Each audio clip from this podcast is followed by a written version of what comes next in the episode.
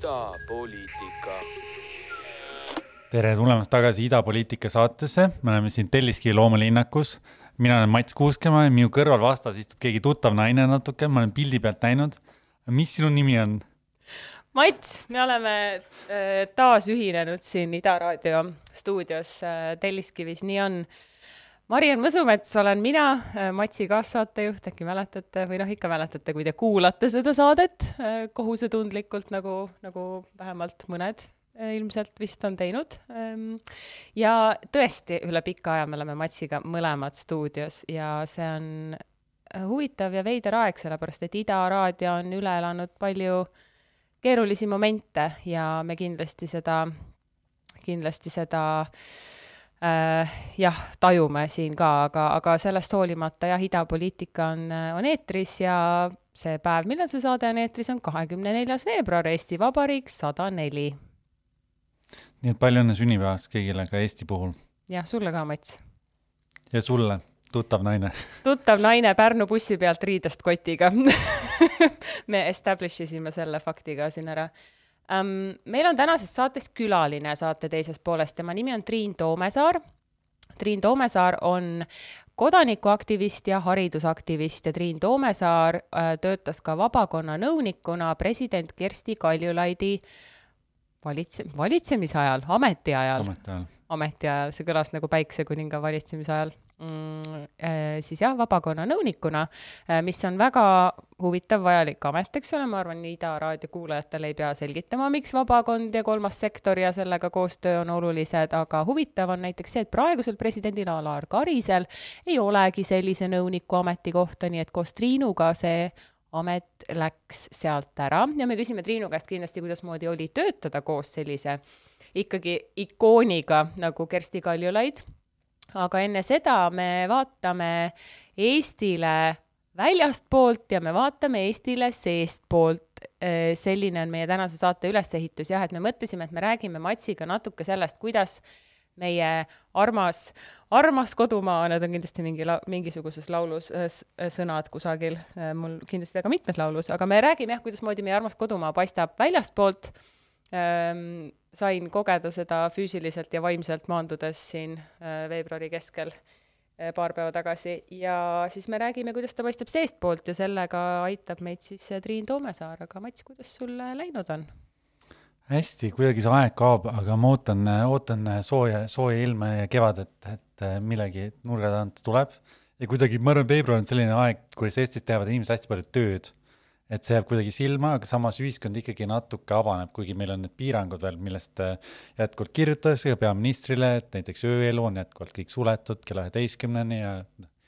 et, et, et, et. on või? see tähendab seda, et kui me täna lähme siis nüüd välja, siis kell üksteist pannakse kõik kinni, jah? ja samal ajal on koroonanumbrid ka väga kõrged tegelikult, olgem ausad, et mul on palju kolleege näiteks täna, kes ei saanud meie üritusele tulla, sellepärast et nad on koroonas kuule, aga tubli on see, et ühistranspordis inimesed kannavad maski, see on äh, natuke positiivsem vaatepilt kui siis, kui ma ära läksin siit suve lõpus. Äh, ja, ja kontrastina on nagu nii huvitav, et Eesti on praegu see riik, kus on, kus on äh, koroonanumbrid kõrged, et ma rääkisin ühe äh, coffee shop'i pidajaga, muideks soovitan väga äh,, selle coffee shop'i nimi on Paper Mill Coffee äh,, väga parim, absoluutselt parimad äh, kaera flat white'id. Ja ma rääkisin nende, nende siis äh, eestvedajaga, jah? Ja kes ütles ka, et, et, et, et noh, tema ettevõtjana tajub, et temasugused inimesed maksavad siis kinni neid piiranguid. Ja ma saan muidugi ettevõtja seisukohast aru ja, ja inimene oli tõesti selles mõttes nagu äh,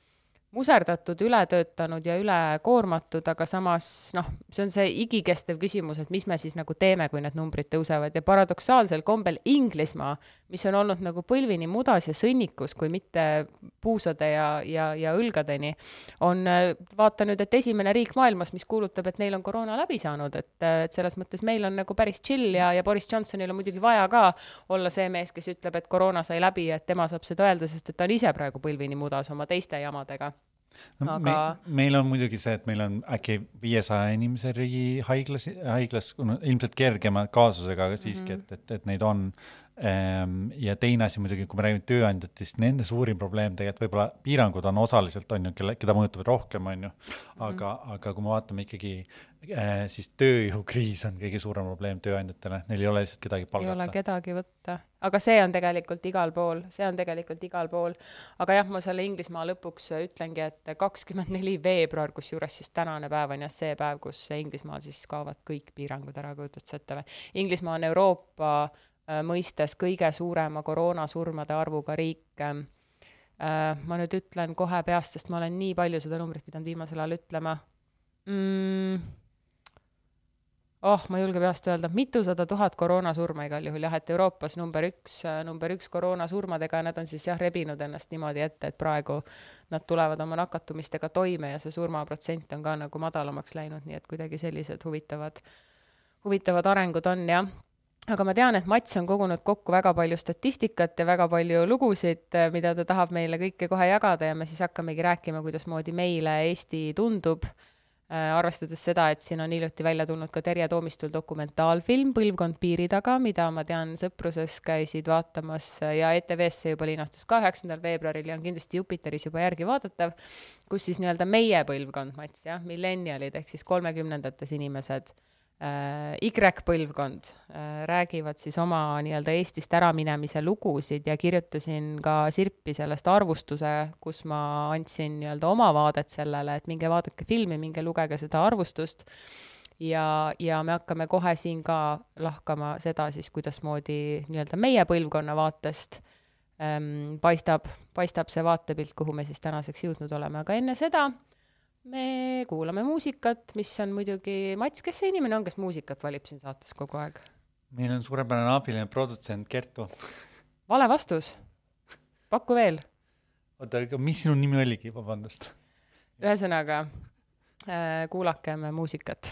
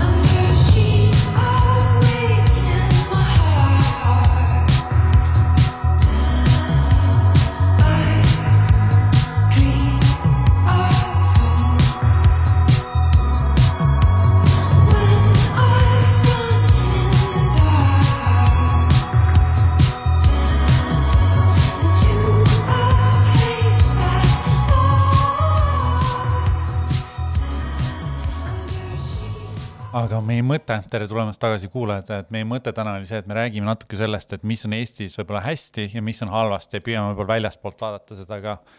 Ehm, ja loomulikult me vaatame eelkõige neid viimast kolmekümmet aastat, et Eesti Vabariik on küll pikem, aga need kolmkümmend aastat on peamised olnud. mulle meeldib see, et me siin ähm, täheldasime vahepeal, et äh, kes on sündinud Eesti Vabariigi ajal ja kes ei ole, et meie Matsiga kindlasti ei ole, meie sünnitunnistuse peal on sirp ja vasar aga meie produtsent on sündinud Eesti Vabariigi ajal, see tundub, see on nagu nii selline äh, Aino, Aino ja Malle sihuke, sihuke, et Eesti Vabariigi ajal ikka tead sündinud, aga fun fact, minu kadunud vanaema Hildegard äh, sündis kahekümne kuuendal aastal Eesti Vabariigi ajal ja mina siis sündisin äh, kolm kuud enne Nõukogude Liidu poe kinnipanekut maikuus üheksakümmend üks. Nii et päris selline huvitav kontrast jah, et olgugi, et Äh, keegi, kes on sinust niivõrd palju vanem, on siis ikkagi sündinud Eesti ajal ja siis sina oled sündinud Nõukogude ajal ja minu meelest see on nii äh, ma nägin hiljuti Instagramis ühte postitust, üks mingisugune Poola, Poola mingi influencer, kes on nagu poliitika teemadel kommenteerib asju, äh, postitas pildi ja ma isegi ei teadnud, kuidas seda nägin, sest ma ei jälgi teda, see viskas mulle selle pildi lihtsalt ette, kus ta äh, oli meievanune tüdruk ja, ja pilt oli siis niimoodi, et ta seisis ja hoidis käes oma sünnitunnistust, kus oli, mis näeb välja täpselt samasugune nagu minu sünnitunnistus, roheline, tumeroheline, sirp ja vasar peal ja SSSR all kirjas ja siis ta seal selgitaski, kui raske tal on Lääne-Euroopas elades selgitada, et kus ta on ja mis ta teeb ja et ta on sündinud Nõukogude Liidus ja et umbes inimesed kohkuvad sellest alati ära ja see on kuidagi nii huvitav dünaamika, et mõelda jah, et kust nagu, kust sa nagu tuled olgugi, et noh, meie sinuga ei mäleta nagu elu per se nagu nõukogude ajal, me teame seda ainult läbi lugude. meil on muidugi selles mõttes, et riigil on juriidiline äh, järjepidevus olnud ka, et meie, me loemegi seda, et me sündisime ikkagi Eestis et me ei pea CV-le kirjutama, et SSSR. issand jumal, kujutad seda ette või? kuigi nagu de fa-, noh jah, de facto, aga de jure no,. noh, kuna me leidsime, et see, see on illegaalne, illegaalne okupatsioon, siis me nagu ei tunnustanud seda. et selles mõttes see järjepidevus ja see Eesti taasloomine tegelikult oli hästi targalt tehtud samm-sammult, ilma vere valamiseta, kõik asjad õnnestusid. ja, ja noh, võib-olla kui me räägime, mis on Eestis hästi, siis tegelikult üheksakümnendad oli ikkagi mõnes mõttes kuldne kümnend, selles mõttes, et lihtsalt need otsused, mis tehti, mitte, mitte et kõik oleks ainuõige olnud, et kindlasti on, meil on palju, mida saab kritiseerida, aga need tehti hästi ruttu ära ja hästi strateegiliselt ära, ilma suurte vaidlemisteta. otsustati ära, et me tahame riiki, me tahame, kes on kodanikud näiteks on ju, kuigi see oli väga karm näiteks, et väga paljud no, eri vene kogukonda jäi, jäi kõrvale, on ju neil oli väga raske pärast saada kodakondsust ja nii edasi, aga ruttu otsustati ära, ruttu äh, valiti parlament, ruttu hakati seadusi tegema, ruttu loodi õigussüsteem, et hästi paljud reformid juhtusid hästi ruttu, et see oli üks, üks võib-olla pluss, mis oli üheksakümnendatel, mis nagu läks meil hästi. jah, et mulle tundub, et üheksakümnendatel meil olid ikkagi nagu äh, suures plaanis nagu õiged inimesed nagu Tüüri juures, et see oleks võinud minna ka nagu kohutavalt halvasti, vaadates äh, mingisuguseid teisi riike, et et inimestel nagu motivatsioon, poliitikutel motivatsioon oli ikkagi õiges kohas, et, äh, et sealt oleks võinud ka lihtsalt nagu isiklikku mammonat kokku kraapida ja öelda toss või toss, et äh, vaadake ise, mis edasi teete. kusjuures see on väga huvitav, see on nii elementaarne, aga ma ei ole kunagi selle peale nii mõelnud et, et jah, muidugi me ju loeme Eesti Vabariigi järjepidevust, eks ole, aastast tuhat üheksasada kaheksateist ja, ja tõesti jah, muidugi ilmselgelt mul on passis on kirjas, et ma olen sündinud Eesti Vabariigis, kuigi mu sünnitunnistus ütleb, et ma olen sündinud Nõukogude Liidus, on ju. et, et kujuta tõesti nüüd ette, et sa äh, ma ei tea, tahad elamisluba taotleda kusagil, ma ei tea, Hollandis või Prantsusmaal ja siis sa lähed sinna ja noh, siis noh, see on isegi, inimesed ei vii seda kokku sageli, et sa oled Euroopa Liidust, kui sa oled sündinud äh, Nõukogude Liidus, on ju, et see on lihtsalt see, see nagu see distants nagu kahe ajuraku vahel lihtsalt nagu läheb nii suureks, kui sa hakkad mõtlema, mis, mis äh, dimensioonid need on. nii, mu ema meenutab alati seda, kui ta oli noorena, käis Ameerikas ja siis Ameerikas kõik politseinikud ütlesid talle tere ja siis ta arvas, et kõik teavad, et ta on Nõukogude Liidust, aga tegelikult nad olid lihtsalt viisakad nagu, äh, ja see, kusjuures see on küll inimeste jah, ei ähm, jah, inimesed on, viisakus on jah, on niisugune siin on see, et inimesed jooksevad sulle tänava peal otsa, keegi ei ütle nagu vabandust, me rääkisime hiljuti ühe äh, inglise tuttavaga sellest, et äh, et, äh, et kogu aeg inglaste üle tehakse nalja, et nad vabandavad ette-taha kõige pärast ja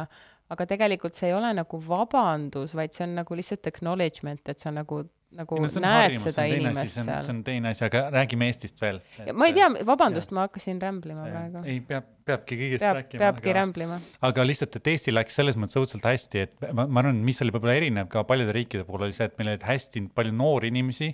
tuli võimule selles mõttes esimesed, vaata, kui sa vaatad esimene, kes oli valitud peaminister, rahva poolt valitud, Mart Laar oli kolmkümmend kaks aastat vana tol hetkel, kui ta sai võimule ja väga paljud inimesed lasti lihtsalt lahti riigisüsteemist ja võeti noored inimesed tööle, see oli väga karm, aga tänu sellele me saime lihtsamini lihtsamini võib-olla edasi minna ja paljud poliitikatega oligi see, et nad läksid erinevate riikide juurde, üritasid nagu olla parim, on ju. et näiteks meie õigussüsteem, meie konstitutsioon, väga palju on sakslastelt laenatud. miks, sellepärast et paljud olid Saksamaal õppinud, paljud noored. ja Äh, näiteks IMF-i reformid muidugi Eesti võttis kõik ainu, ainuõigelt vastu, kuigi tegelikult, mis on huvitav, ma õppisin ülikoolis niisugust ainet nagu üleminekumajandus, kus räägitigi, võrreldi neid riike, kuidas neil läks ja nii edasi, ja Eesti nagu täielikult läks nagu täiesti nii-öelda riigimajanduselt, Nõukogude riigimajanduselt täiesti vabamajanduseni, ma ei tea, nelja aastaga umbes. kõik asjad tehti era, kõik erastati ära, kõik asjad ähm,. ja pal-, ja kõik lasti ka pankrotti, väga paljud asjad, selles mõttes seda võib tagantjärele kritiseerida, aga samas ongi see, et keegi ei olnud seda protsessi varem läbi teinud sellisena. ja, ja võib-olla, mis ongi see, et võib-olla maapiirkondades mingisugust tööstusasju oleks võinud hoida näiteks, kui riik oleks maksnud peale, samas raha ei olnud mil-, mitte millegi jaoks tol hetkel mm. -hmm. et, et see on nagu võib-olla, aga mis seal toimis oli see, et kuna me erastasime väga palju, siis tänu sellele sai ka nagu võib-olla välis, välismaine juhtimiskultuur sai Eesti nagu majanduse osaks palju rohkem ja investeeringud tulid palju kiiremini, sellepärast et me erastasime. mis olid vead, vead olid jälle monopoolsed situatsioonid nagu Tallinna Vesi, teate Estonian Air oli kindlasti suur viga, et see anti nagu taanlastele enamusosalus ja to, nad põhimõtteliselt feed isid neid inimesi SAS-ile pikalt on ju, näiteks meil oli eelis tol, tol ajal arenemisel, mida, mida noh, selle tõttu lennundus ei arenenud väga palju. et, et kindlasti on nagu erandeid ja, ja, ja, ja teine, mis oli väga suur viga muidugi üheksakümnendatel, see, kuidas omandireformi läbi viiti. see, et kaheksakümmend tuhat inimest kaotas oma kodu ja samas anti tagasi siis inimestele vara, on ju, kes oli, ma ei tea, nii-öelda lehma lellepoeg, on ju. et selles mõttes ei ole see, sama isik või sama isiku lapsed või lapslapsed saavad tagasi, vaid see ring oli nii lai ja seetõttu nagu oli hästi ebavõrdne stardipositsioon mõnes mõttes osal ühiskonnast. et paljudel läks hästi, on ju, ei saa kaevata, aga, aga lihtsalt, et kui see oleks tehtud nagu targemalt, siis, siis meil oleks olnud võrdsem stardipositsioon jah, kindlasti see erastamise kiirus aitas meil mingisugused protsessid käima lükata efektiivsemalt ja, ja anda nagu sellele indiviidile selle vastutuse, milleks ta tol hetkel paljud kindlasti olid ka võimelised ja, ja, ja seda ka ootasid, kuigi, kuigi erastamise nagu varjukülg on, on mõistagi see, et jah, mingid sellised strateegilised ärid või või vabrikud, manufaktuurid, mingid strateegilised, ma ei tea, vesi, elekter, et, et, et, et noh, see on nagu niisugune maailmavaate küsimus, et kas see peaks olema riigi kätes või erakätes,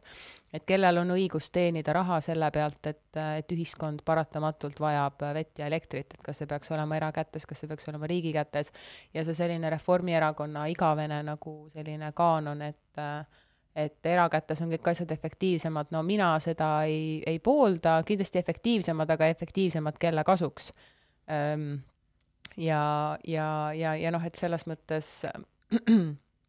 jah, kiiruga tehti ja, ja tollest hetkest vaates võib-olla tõesti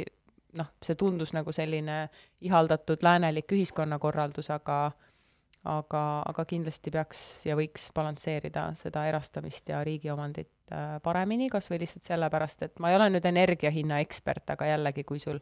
riik oleks eesotsas, äh, siis äh, ütleme, ütleme niimoodi, kui erahuvi ja kasumi teenimine ei ole strateegiliste ettevõtete number üks eesmärk, siis on see tulemus ja hind õiglasem kõigile. jah, ma arvan, et see probleem tekibki monopoolses situatsioonis, näiteks UK-s on samamoodi rongid on hästi kehvas situatsioonis, sest nad lihtsalt põhimõtteliselt rongifirmad lihtsalt äh, tõmbavad sealt raha, neil ei ole huvi seda tegelikult arendada, et kliendil oleks hea ja kasumlik, kasu, hea teenus. jah, noh, selles mõttes need rongid on nagu okeis nagu korras, et ega neil midagi häda ei ei ole, aga see ongi see, et sa kasutad nagu ära seda olukorda, et inimestel on paratamatult vaja reisida linnade vahel. ja siis tekibki küsimus, et kas see raha peaks minema erakätesse või see raha peaks jääma ikkagi nagu riigi, riigi, riiki ringlema ja noh, ta ka erakätes jääb riiki ringlema, aga ikkagi, kes seda raha kasutab ja kuidas me seda taasinvesteerime ja riik on sellistes ettevõtetes kindlasti parem peremees, kuigi see on vist Jürgen Ligi praegu õnneks ei ole siin ruumis, miks ta peakski. aga Jürgen Ligi, ma mäletan kunagi, kunagi Foorumi saates, ma mäletan, ta lihtsalt tagus ja tagus, sest et üks hetk ta oli, mulle tundus ka nagu ainult tema koos iseendaga seal saates käiski. Foorumi, Foorumi kuldaegadel veel oligi see, et mis asi see, mis ta see lause oli, et riik on kehv peremees või? see on nagu mingi, ma ei tea, kui ma mõtlen Reformierakonna, siis ma mõtlen nagu alati mul tuleb see quote meelde see on nagu nii kõlav ja nii lihtne, aga see ei ole tõsi. see mingites majandusasjades tegelikult on tõsi, et kui riik hakkab mingeid funktsioone ise tegema, ma ei tea, noh, mis on võib-olla kauged tema põhifunktsioonist, siis see mingil määral on tõsi, aga alati on erandeid ja selles mõttes me peame vaatama seda avatult, me peame majandust vaatama avatult.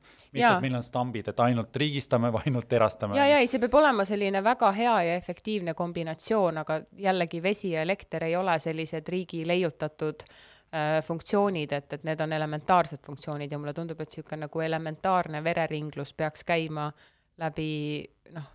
läbi no., läbi selle pumba, kus ei ole nagu mingit erahuvi. Need on lihtsalt monopoolsed, põhimõtteliselt suuresti monopoolsed äh, olukorrad ja seetõttu on jah, riik, riik peab seal sekkuma. nii Aga..., üheksakümnendad, mis, mis veel oli hästi-halvasti? üheksakümnendad tegelikult, mis meil on hästi jällegi, on see, et, et meil oli hea välispoliitika, oli väga edukas, selles mõttes see, et me läksime kolmeteist aastaga Nõukogude Liidust NATO-sse, Euroopa Liitu, oli väga edukas mm. -hmm. teine asi see, et keegi ei tahtnud meid sinna mõlemasse tegelikult, keegi ei tahtnud. keegi ei teadnud, Eestit ei teatud üldse, et see oli kaardi pealt kadunud olnud, võib-olla Soome soomlased teadsid, me oleme olemas, ma ei tea, väliseestlased Ameerikas ja nii edasi. Euroopas ei tahetud näiteks alguses suurt Euroopa Liidu laienemist, aga mis oligi selge, et äh, see strateegia tegelikult meil oli kõige olulisem, Vene väed välja, alguses meil oli Vene väed siin sees, on ju, kuni üheksakümmend neli äh, ja siis NATO-sse põhimõtteliselt, et, et, et uuesti ei juhtuks sama jama ja mis nagu, nagu me näeme, Ukrainas on, on ju probleem. aga mille põhjal sa ütled, et meid ei tahetud NATO-sse? Äh, vaata, NATO-sse tehti esimene laienemine tehti ähm, äh, Tšehhi, Ungari äkki Poola, kui ma ei eksi, kolmas riik, et, et samamoodi taheti Euroopa Liitu tehta, teha väikest laienemist. me oleme kauged riigid, me oleme Venemaale väga lähedane äh,, lähedal on ju füüsiliselt, et selles mõttes keegi ei teadnud meistki midagi. et miks nad peaks tahtma meid kaitsta, on ju, võtta see risk. et selles mõttes see oli pikaaegne töö ja me teadsime seda, see loogika oli ka see, et NATO-sse äh, meie mõte oli see, et, et Euroopa Liidu liikmed, kes on meiega koos Euroopa Liidus, ei ole selle vastu, et meid NATO-sse võetaks. ja see oli üks suur, suuri põhjuseid, miks otsustati, et me tahame kindlasti Euroopa Liitu minna. Ja me teadsime, et meid ei kutsuta esimesse sinna liikmese, liikmes nii-öelda läbirääkimiste raundi.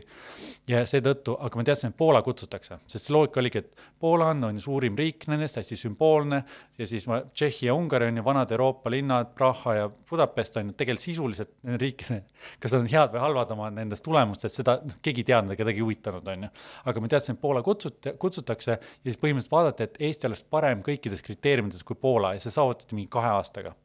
Super jah, ja ma arvan, et tegelikult äh, see ju ikkagi ka lääneriikide liidritele pidi olema kohale jõudnud, et mis, mis Nõukogude Liidu lagunemise nagu üldse nagu ähm, käima lükkas, oli ju Molotovi-Ribbentropi pakti äh, detailide ava- äh,, avaldamine, avalikustamine, glasnost, kogu see ähm, kogu see värk ja, ja, ja Eesti ju ometi olles nagu siis mõjusfääri nii-öelda ida, idaosa nagu äh, idaosa üks, üks osa, vabandust, mul natuke sõnad, sõnad on puntras vahepeal äh,, et siis noh, tegelikult, et seda ka taas ei korduks, et kujuta ette, kui sa jätad nagu Balti riigid sealt välja, et siis seal saab ju igasuguseid asju hakata jälle nagu skeemitama ja seda enam, et meie riikide meelsus oli niivõrd läänemeelne, siis miks nad ei pidanuks, kuigi ma saan aru, see skeptilisus seal muidugi oli täpselt nagu sa ütled, et mis riik see üldse on, on ju, vahepeal pead tänase päevani seletama, mis riik see üldse on. ja, ja selles mõttes väga-väga hästi tehtud, et jah, kui me tõesti vaatame, et noh, neljateist aastaga Nõukogude Liidust NATO-sse, siis no well done, Eesti, kõige hullem ei ole jah, et see Soome-Rootsiga integreerumine aitas meid ka väga palju, sest nad on väga lähedal, nad olid Euroopa Liidu liikmed, nad toetasid meid selles osas väga palju ja Eesti, kuna ta oli nii väike, siis võib-olla see mõju on ju, kui palju me saime majanduslikku tuge, oli võib-olla suurem kui paljudel teistel riikidel mm. -hmm. absoluutselt, jaa me kuulame nüüd jälle Mussi ja siis me räägime sellest, siis me tuleme üheksakümnendatest äh, tänapäeva ja räägime natukene jah, sellest, kuidasmoodi, kuhu, kuhu me jõudnud oleme ja kuhu me edasi tahaks minna ja, ja, ja kuidas see vaade, vaade siitpoolt paistab. Ja jah, kohe olemegi tagasi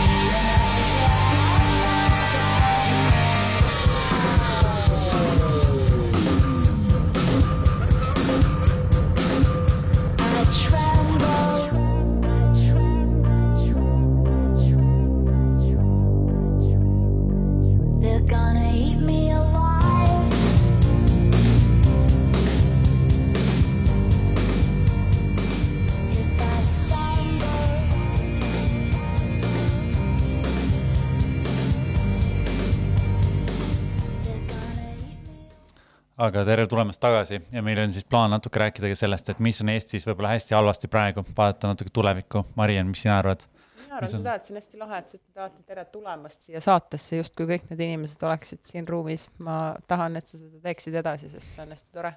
ähm,. ma ei tea ähm, ma ei taha olla, ma ei taha olla see tüütus, kes on mingi, ei no mina olen nüüd natuke aega Eestist eemal olnud, sest nagu tähendab, mulle tundub, et kõik on nagu täiega teistmoodi ja väljas on täiega palju parem. aga ma pean ütlema, et kui ma maandusin on ju, ja ma olen siin praegu hästi vähe aega ja ma ütlen ausalt, nagu see, see ei ole kuidagi nagu halvaga öeldud või mõeldud ja, ja ma isegi nagu, see on nii huvitav tunne, millega nagu kuidagi istuda. on ka see, et tead, Tallinn ei ole kunagi tundunud mulle väiksem kui praegu. mis, mis nüüd juhtus? Tallinn ei ole mitte kunagi tundunud mulle väiksem kui praegu, ma ei tea, see on kindlasti see veebruari kaamos ka ja see, et tänavad on vaiksed ja midagi ei toimu ja koroona ja ja üleüldine meeleolu on selline nagu rusuv ja, ja kõik teevad tööd ja, ja nii edasi, et, et noh, suvel on see sumin nagu teine ja aga, aga kuidagi jah, noh, sihuke, sihuke väike tunne on ja ta ei ole väike, ta ei ole väike nagu heas mõttes, ta on väike nagu sihukeses nagu ängistavas mõttes. ma ütlen, ma ütlen päris ausalt ka ja see ei ole nagu see, et ah oh,, igal pool mujal on parem. see on lihtsalt see, et Eesti on praegu, tundub nagu selles mõttes, et veebruar on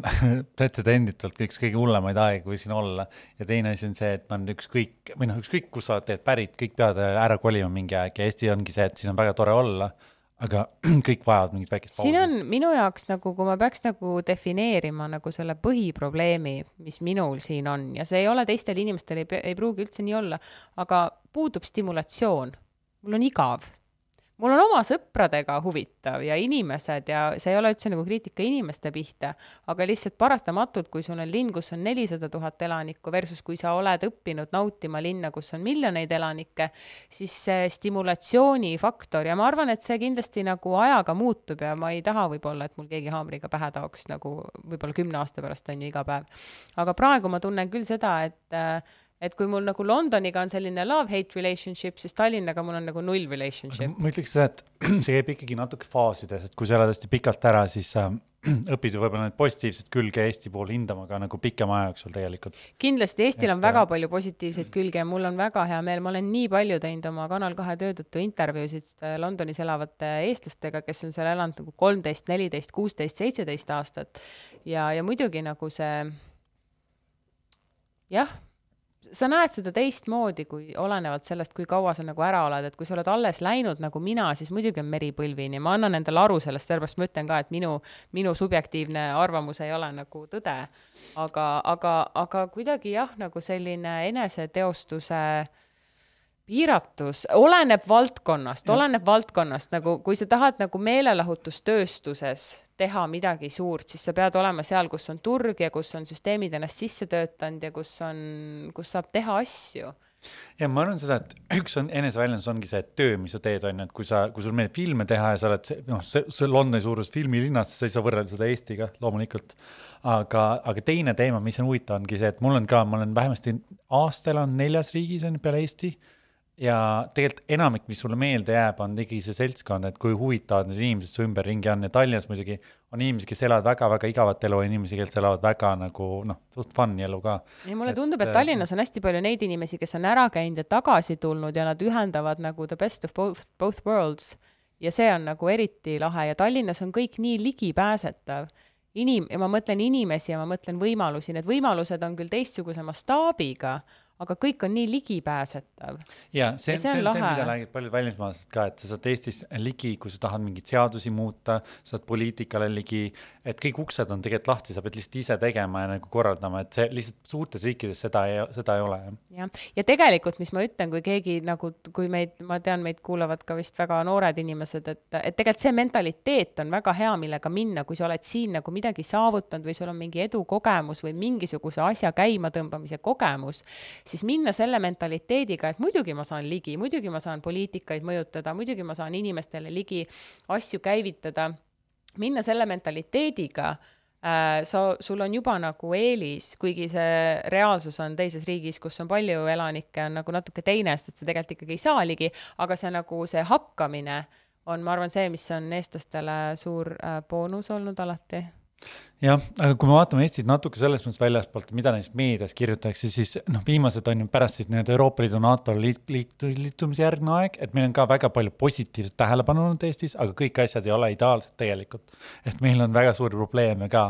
aga, aga samas on jah, see digiteema on hästi positiivne, väga palju on häid lugusid. kokkuvõttes Eesti on kiiresti arenenud, meie nagu majanduslikult me oleme peaaegu samal tasemel Hispaaniaga mis on ju, no ma ei tea, kakskümmend aastat tagasi oli palju, meist palju ees.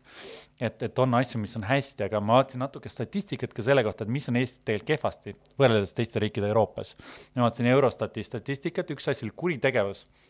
et Eestis on ikkagi vange, see on siis kaks tuhat seitseteist kuni kaks tuhat üheksateist aasta e, e, Eurostat, et Eestis on umbes kakssada vangi saja tuhande inimese kohta, et see on siis iga kaks inimest tuhandest on Eestis vangis ja me oleme kolmandal kohal Euroopa Liidus, Leedu ja Tšehhi on meist ainult ees. et see on üks asi, mis on kindlasti kehvasti, Soomes on näiteks neli korda väiksem proportsioon. see on täiesti poliitika ja maailmavaate küsimus, on see, on see, on see nagu vanglapoliitika, mina mäletan, kui Urmas Reinsalu oli kunagi Aktuaalses Kaameras ja ütles, et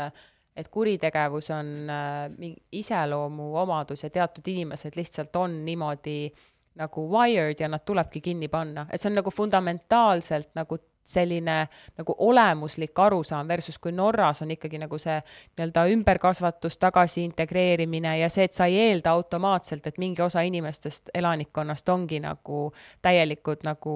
riukalikud pätid, et sa ei eelda seda nagu by default vaid sa ikkagi eeldad, et inimestel on midagi juhtunud, et ja noh, siis sa võtadki nagu teistsuguse lähenemise. et ma arvan, et see on väga konservatiivse poliitika tulemus, et meil on Eestis nii palju vange, et see on see, et midagi teed, vangi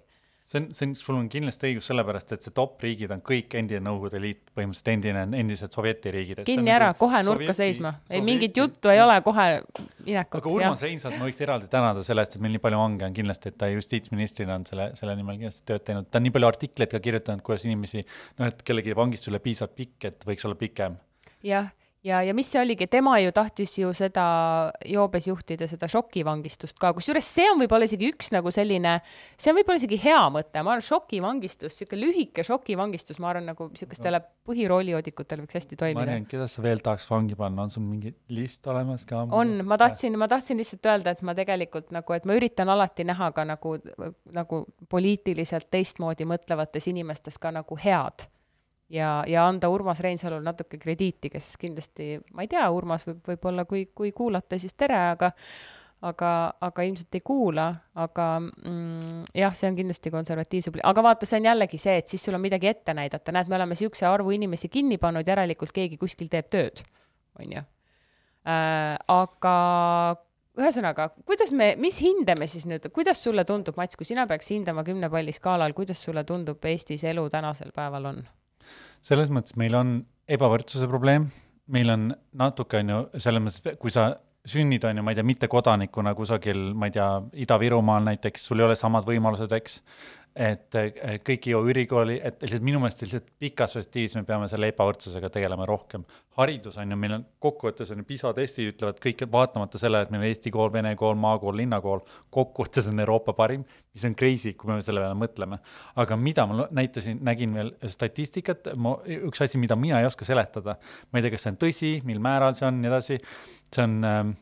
siis äh, kaks tuhat kaheksateist aastat, kui palju noori inimesi, siis kuusteist kuni kakskümmend üheksa äh, on siis nagu pikaajaliste terviseprobleemidega, Eesti on number üks et see on võib-olla ka natuke haridussüsteemiga seotud või mingite muude küsimustega. kui sinna vaimne tervis sisse ar arvestatakse, siis ta make'iks küll sensi. jah, ta on, see on, seal peaks olema sees, et selles mõttes, et see proportsioon on väga-väga kõrge, mis näitab, et, et meil on probleeme. mis näitab, et sa võid küll PISA testis number üks olla, aga kui see on mingisuguse sellise tahtsin praegu öelda vägistamise tulemusega, see on väga kohatu nali. kui see on nagu sellise vaimse ahistamise tulemus, siis no milleks meile seda vaja on äh,? jaa, aga ikkagi ma tahan seda kümne palli skaala, seda hinnet su käest nüüd pigistada välja, enne kui me ma ütleks, et väga paljud asjad on hästi, aga see on lihtsalt on, meil on natuke ikkagi kahjuks esimene Eesti ja teine Eesti inimestel ei ole võrdseid võimalusi, selles mõttes kokkuvõttes ma arvan, me peame vaatama positiivselt, meil on paljud asjad hästi, ütleme seitse seitse. sest, sest lihtsalt asjad on palju paremaks läinud, aga me peame tööd tegema. just. jaa, no ühesõnaga selle seitsmega on tore purjetada ähm, aastasse sünnipäeva number sada neli äh,. kiire muusikapala ja Triin Toomesaar on meil juba liinil ja siis me räägime edasi. jäi Some days I wake up and I think I could take anything they throw at me. Some days I wake up and I just wanna go right back to sleep. And there's so much pressure. Be smart, be cute,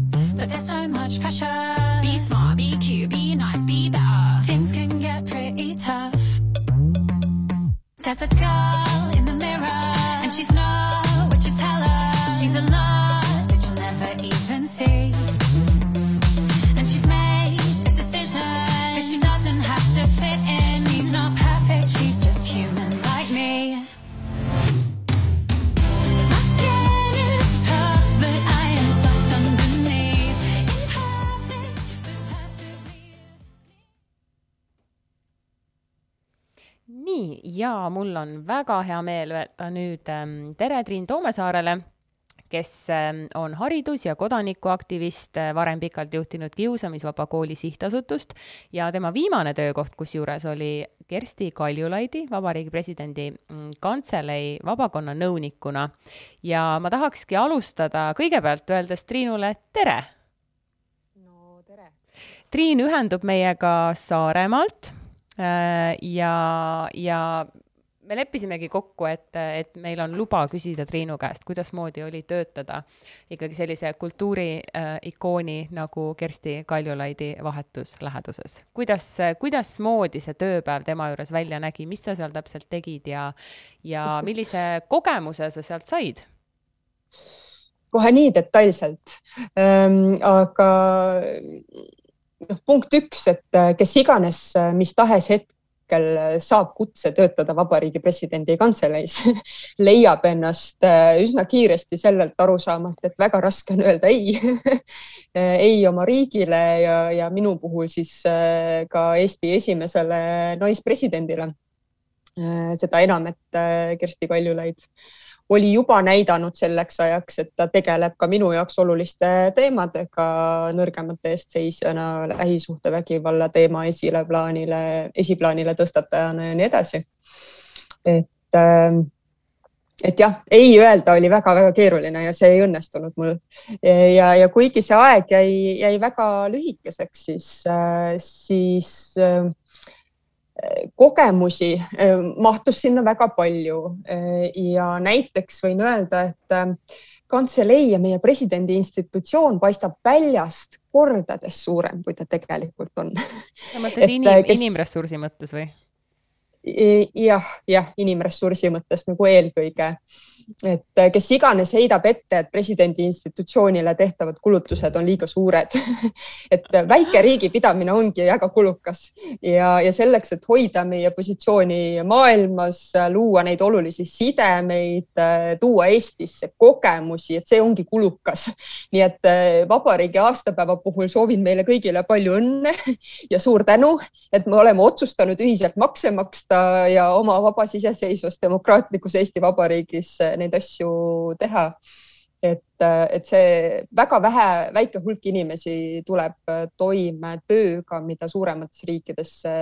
teevad üüratud ametkonnad. absoluutselt, kirjutan kahe käega kõigele sellele alla, mis sa ette loetlesid nende põhjustena, miks, miks seda institutsiooni üleval pidada. Kersti Kaljulaid sai hiilgavalt selle kõigega hakkama ja jätkab seda tööd, ma ütleks, et palju vabamana isegi praegu, kus see institutsiooni selle institutsiooni nagu sellised, selline olemus teda ei, ei piira, et ta ju noh, see oli nagu see, see, see amet sobis talle personaalselt ka, ma tundun nagu isi-, mulle tundub isiklikus plaanis ka väga hästi, mul on hea meel näha, et ta, et ta seda missiooni edasi kannab, aga ikkagi ma tahaks paar sõna kuulda ka nagu sellisest sellist nagu, sellist maja, majasisest nagu tunnetust, kuidasmoodi oli konkreetselt selle inimesega töötada, talle nõu anda, milline inimene ta on Kersti Kaljulaid on väga töökas, äh, looderdamist ei salli, äh, on väga ähm, nõudlik nii iseenda kui teiste suhtes. nii et, et jällegi niisama suvatamist või mütsiga löömist ei, ei olnud mõtet nagu üldse tegema minna. Äh, mõistagi sport Kersti Kaljulaidi jaoks on, on au sees olnud ja, ja noh, mingis mõttes äh, on, oli ka tore tema sportlikele tegemistele kaasa elada. aga noh, nõuniku töö selles mõttes mina olin siis vabakonna nõunik, on ühelt poolt hoida silma peal asjadele, mis toimuvad äh, vabakonnas ja minu puhul siis vabakonna alla langes näiteks ka kultuur, äh, haridus, äh, lisaks siis vabakonnale näiteks laiemalt. ja, ja olla mingis mõttes nagu filtriks või vahendajaks, et, et presidendi töö on selline, et kõik inimesed tahavad sinuga rääkida, kõik inimesed tahavad sinu juurde tulla, tahavad sulle öelda midagi, tahavad, et sa aitaksid nende sõnumit levitada ühel või teisel äh, moel. ja, ja nõuniku ülesanne on, on mingis mõttes säästa siis presidenti nagu kõikidest nendest nõudmistest, mis võib-olla uksest ja aknast äh, sisse tulevad ja, ja siis äh, aidata presidendil, kes ise tegelikult oma tiimiga koos nagu kujundab selle rolli ja Karisel on ka nüüd see, see töö siis äh, pooleli, minu silmis on tal, ütleme siis väga kõrged kingad täita.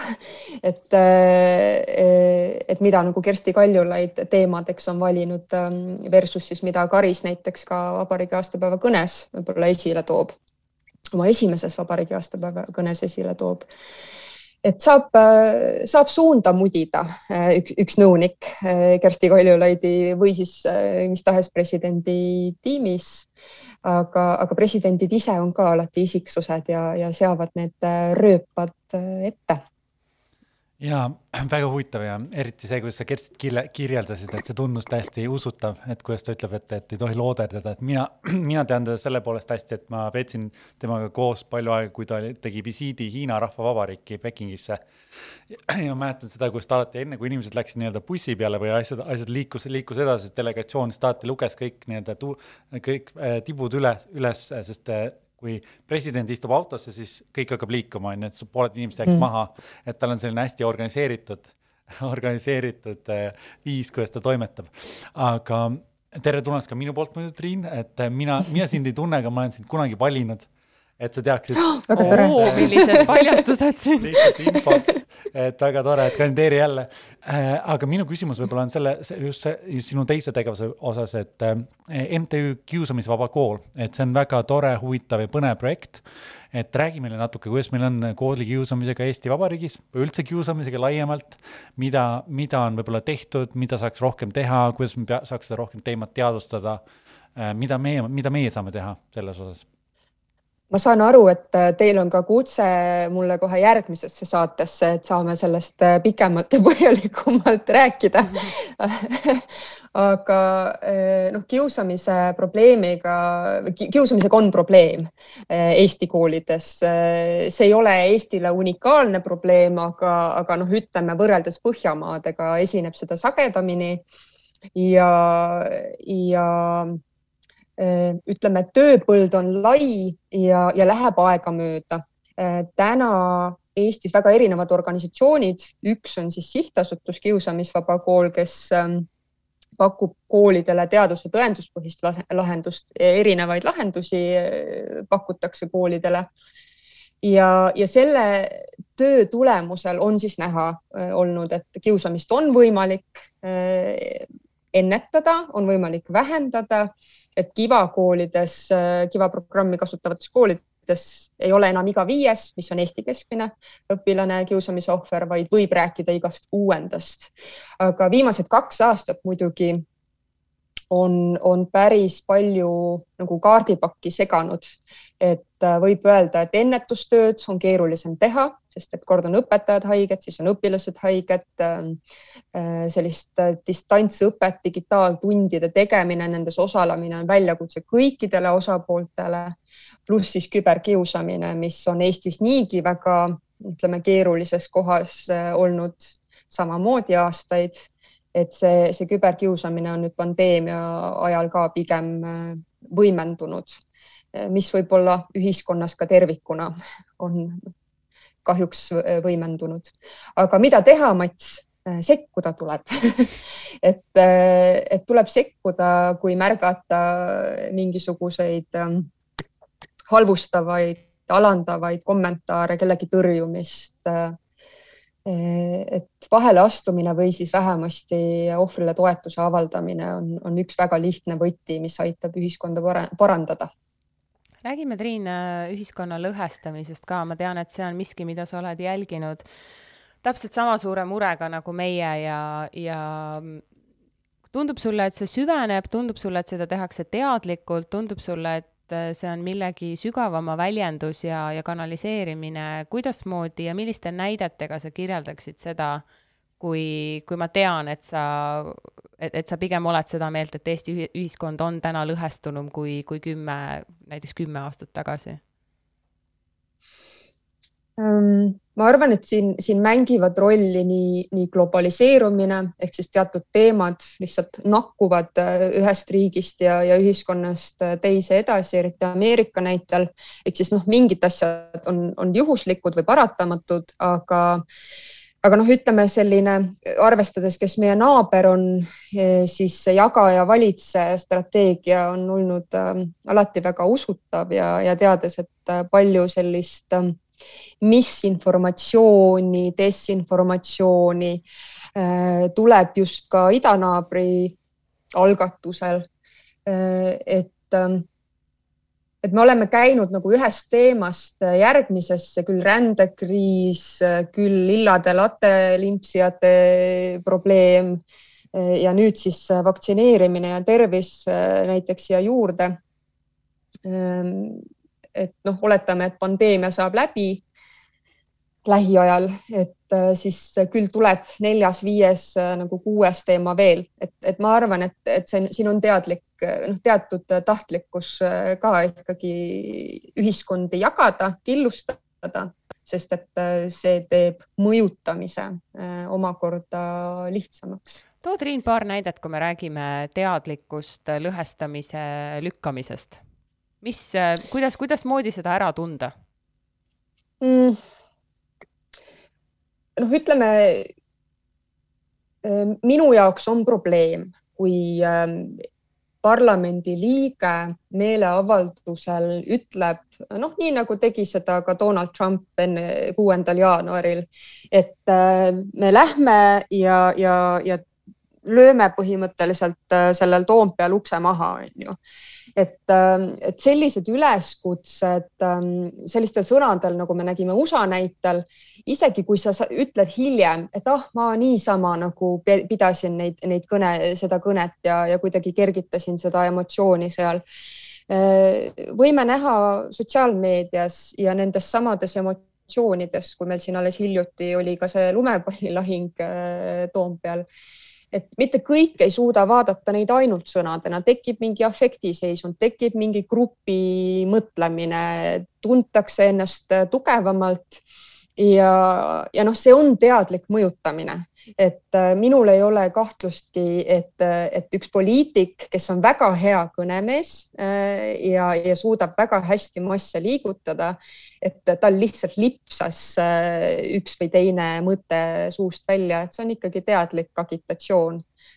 teatud inimeste käitumise ja mõtete suunamiseks ja see on hästi huvitav, kuidas nagu USA-d võib-olla ongi natuke kopeeritud Eesti sisepoliitikas, et paljud väljaütlemised, asjad on nagu natuke sarnased, lähevad sinna sisse. aga võib-olla võtamegi siis selle kõige viimase, viimase teema välja, mis on juhtunud sel teemal, et meil oli hiljuti Varro Vooglaid, kes äh, sisuliselt tegi siis märkuse, et, et tal ei oleks probleemi, kui Eesti oleks okupeeritud Venemaa poolt. palun tehke mulle ühelauseline kokkuvõte, ma olin kusagil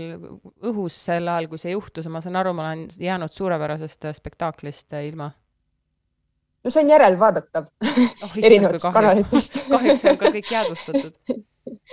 jah, aga noh, põhimõtteliselt see, see väide, mida, mida ta küll ise ütleb, et on kontekstist välja võetud ja mida ta toetajad ütlevad, et on kontekstist välja võetud, aga noh, minu süda jäi seisma selle koha pealt, ei ole midagi teha, kui ta ütles, et vahet ei ole, mis värvi lipp võib-olla Pika Hermanni tornis on, et kui, kui temale olulised õigused, vabadused, võimalused on, on mõne teise lipu all nagu paremini tagatud, et siis tema meelest ei pea seal sinimustvalge äh, olema ja noh, ma ütlen, et minu, minul jäi süda seisma äh, see, seda, seda kuuldes. no aga sellega ta ju täiesti lihtsalt nagu paljastaski seda, mis ta nagu tegelikult soovid on, et asi pole siin mingisuguses äh, isamaalisuse või ma ei tea, mingisuguse rahva jätkusuutlikkuse tagamises, asi on ikkagi selles, et ta ihaleb mingisugust sellist ühiskonnakorraldust, olenemata sellest, mis lipu all see on ja see on, mees rääkis ausalt selles mõttes, et väga fundamentalistlik maailmavaade loomulikult ja see sobitub lihtsalt autokraatiaga ilmselgelt rohkem kokku. just, just, just. Triin, ütle meile lõpetuseks, kus sinu tegemisi saab ähm, kus sinu tegemistele saab kaasa aidata, kas sa, kuhu sa, mida sa kutsud inimesi tegema, mida sa meile soovid saja neljanda vabariigi aastapäeva puhul ja, ja kas on midagi, kui keegi sind kuulab ja innustub, kus ta saab kas kiusamisvaba koolile kaasa aidata tegemistes või, või, või sulle kuidagi teistmoodi appi tulla kodanikuaktivistina mm.? Rohkem tundetaiplikkust äh, on punkt üks, et äh, olen kirjutanud äh, ka ühe arvamusartikli, võite üles otsida, tunneta poliitika vajab tundetaiplikku valijat seesama emotsioonide ketramine ja kerimine, seesama lõhestamine toimub sellel samal tasandil. et kui me suudaksime iseenda tundeid paremini märgata, näppu peale panna, ahah, ma saan küll aru, mida sa minu emotsioonidega praegu teha üritad, siis äh, meil on äh, võib-olla lihtsam mitte reageerida ja, ja teha nii-öelda siis see mõistuspärane valik. aga noh, ma ei tea palun olgem head kodanikud, eh, rohkem hoolivad, eh, laiendagem oma silmaringi, lugegem rohkem. Eh, haritud rahvas on, on minu meelest Eesti üks ainumõeldav ja kalleim vara et, et meil, meil ei ole ei hõbedat, ei kulda, on ainult ajud. nii et igaüks küntku seda hariduspõldu nii kaua ja, ja võimsalt, kui vähegi saab. ja see on meie püsimajäämise grant, mulle tundub, et see oli täpselt see, see lause nagu kuidagi nagu ihales sellist, sellist lõppu, et, et absoluutselt, et ei ole, ei ole siin midagi, midagi muud kui äh, jah, nii Mats räägib minuga viipekeeles. sa ei taha uraani ja siis fosforiiti kaevandama hakata ja siis kõik vangi panna su. jah, seda võiks teha pärast seda, kui me uuesti oleme püüdnud maisi istutada. ma arvan, et me võiks seda kõike minna nüüd proovida teha siin saja neljanda sünnipäeva puhul. Triin, absoluutne rõõm oli sind ähm, siin saates äh, võõrustada, otse Saaremaalt sa meiega ühendusid, suur aitäh seda aega leidmast, ma soovin sulle väga palju edu su tegemistes, me kindlasti näeme ja kuuleme ja loeme sinu loeme sinu artikleid kindlasti ka ja veel edaspidi. kandideeri jälle, et siis saab valida sind. jah, kandideeri. no ma annan endast parima, Mats tahab mind valida, ma saan aru, suurepärane. Triin, suur aitäh sulle. aitäh teile. tšau. no nii, ja selline sai meie tänane idapoliitika saade, Mats, see lendas nii kiiresti, ma, ma ei tea kahju on, läbi on mm. saade. kiirelt jah, aga ma arvan, me peaks, me peame Londoni eri ka tegema, et ma tulen sinna kohale ja. võta, tule kohale, võta inimesed. konteiner kaasa ja ei, tegelikult ka, ma arvan, et me noh, selles mõttes muidugi järgmine idapoliitika saade tuleb taaskord siis äh, Tallinn-London kombinatsioonis, aga ma arvan, et vahelduseks on ikkagi tore ka niimoodi siin stuudios olla, et äh, jalg maha panna ja, ja. idapoliitika, ida, raadio kestab ja poliitika kestab ja meie ka ja Eesti Vabariik kestab ka. jah, nii et palju õnne meile palju õnne meile. ja kohtume järgmine kord. kohtume kahe nädala pärast